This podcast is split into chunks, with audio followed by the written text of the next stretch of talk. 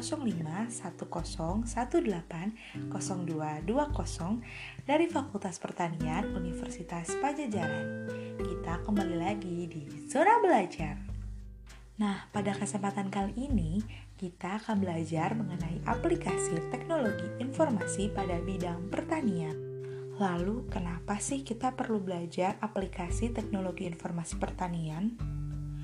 Karena sebagai warga negara Indonesia yang merupakan salah satu negara agraris terbesar kedua di dunia, di mana pertanian merupakan bidang yang sangat berpengaruh bagi pergerakan roda perekonomian nasional.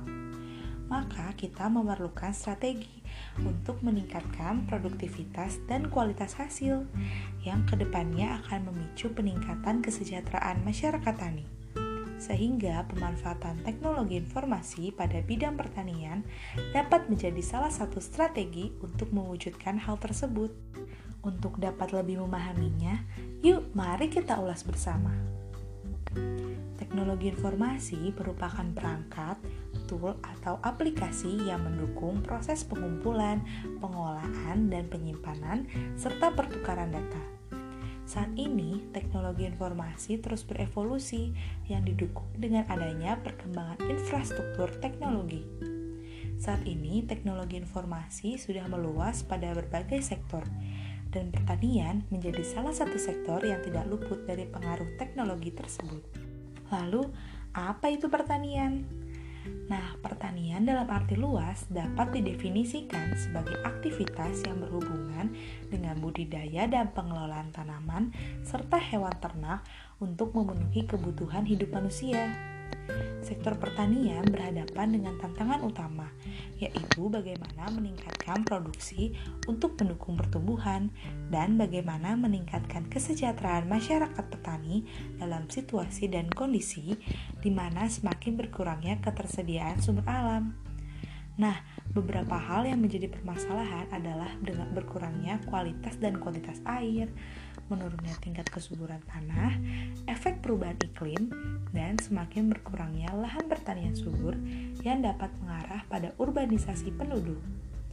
Nah, semua permasalahan yang ada dihadapi petani berkaitan erat dengan proses pengelolaan produk yang mereka lakukan.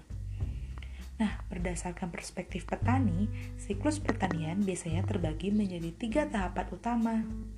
Yang pertama, ada pre-cultivation atau persiapan lahan yang meliputi pemilihan benih, pemilihan lahan, kalender pertanian, akses ke kredit sumber pendanaan, dan lain-lain.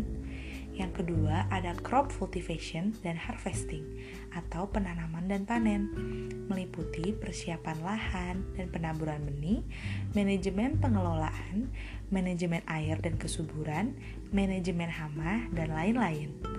Lalu yang ketiga ada post harvest atau pasca panen yang meliputi pemasaran, transportasi, pengemasan, pemrosesan makanan, dan lain sebagainya. Nah, penerapan teknologi informasi pada bidang pertanian dapat mengacu pada setiap tahapan dalam siklus pertanian tersebut. Nah, sistem informasi pertanian sendiri itu dibedakan menjadi dua kategori. Yang pertama ada e-agrikultur dan yang kedua ada m-agrikultur. Jadi, e-agrikultur dalam penerapannya dapat berupa 20 sistem informasi geografis, penginderaan jarak jauh, dan berbagai macam peralatan nirkabel. Sementara itu, M-agrikultur merupakan bagian dari E-agrikultur. Namun, M-agrikultur menerapkan platform teknologi yang berbeda. Layanan M-agrikultur memiliki beberapa agen yang ada di dalam aplikasi tersebut. Selain M itu, M Agrikultur juga bekerja sama dengan penyedia jasa telekomunikasi untuk memberikan layanan konten. Melalui teknologi ini, petani dapat mengirimkan pesan dan dapat berkomunikasi langsung dengan para pedagang. Lalu, apa sih contoh penerapannya? Nih, di Cina sendiri ada yang namanya AgriInfo AgriInfo adalah salah satu sistem informasi pertanian berbasis call center di Cina. Lalu, ada Mobile Driven Extension yang diterapkan di India dan Kenya. Nah, di teknologi ini memanfaatkan teknologi informasi untuk mendukung kolaborasi antara pemerintah, lembaga penelitian, universitas, dan petani melalui sebuah jaringan internet. Model ini didukung oleh pendekatan pusat panggilan atau call center. Nah, melalui pendekatan ini, petani menghubungi call telecenter dan selanjutnya mereka akan dihubungkan dengan seorang agen yang akan menjawab pertanyaan yang mereka ajukan. Nah, agen tersebut dapat menyediakan informasi penting yang berhubungan dengan proses pertanian, seperti penanaman, irigasi, penanganan penyakit, dan persoalan-persoalan lainnya. Nah, di Indonesia sendiri ada yang namanya sistem pertanian presisi yang merupakan konsep baru yang populer dalam produksi yang dapat diterjemahkan sebagai sistem menyeluruh yang dirancang untuk mengoptimasi produksi pertanian melalui aplikasi teknologi informasi tanaman, teknologi lanjutan, dan praktek manajemen. Sistem pertanian presisi memiliki lima tujuan utama. Yang pertama ada meningkatkan efisiensi produk, yang kedua ada perbaikan kualitas produksi, yang ketiga, penggunaan bahan kimiawi yang lebih efisien. Yang keempat, ada konservasi energi. Dan yang terakhir, ada perlindungan tanah dan air tanah. Sistem pertanian presisi merupakan suatu siklus dengan tiga fase. Fase pertama ada pengumpulan data. Fase kedua ada interpretasi peta. Dan yang ketiga adalah aplikasi. Lalu, apa sih manfaat dari penerapan teknologi informasi pertanian?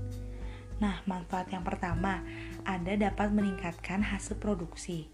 Yang kedua, dapat mengurangi resiko dalam bisnis pertanian. Yang ketiga, dapat mendukung optimalitas keuntungan bagi petani.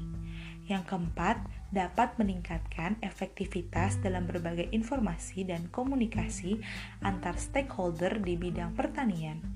Yang kelima, meningkatkan kemampuan tawar atau bargaining power petani.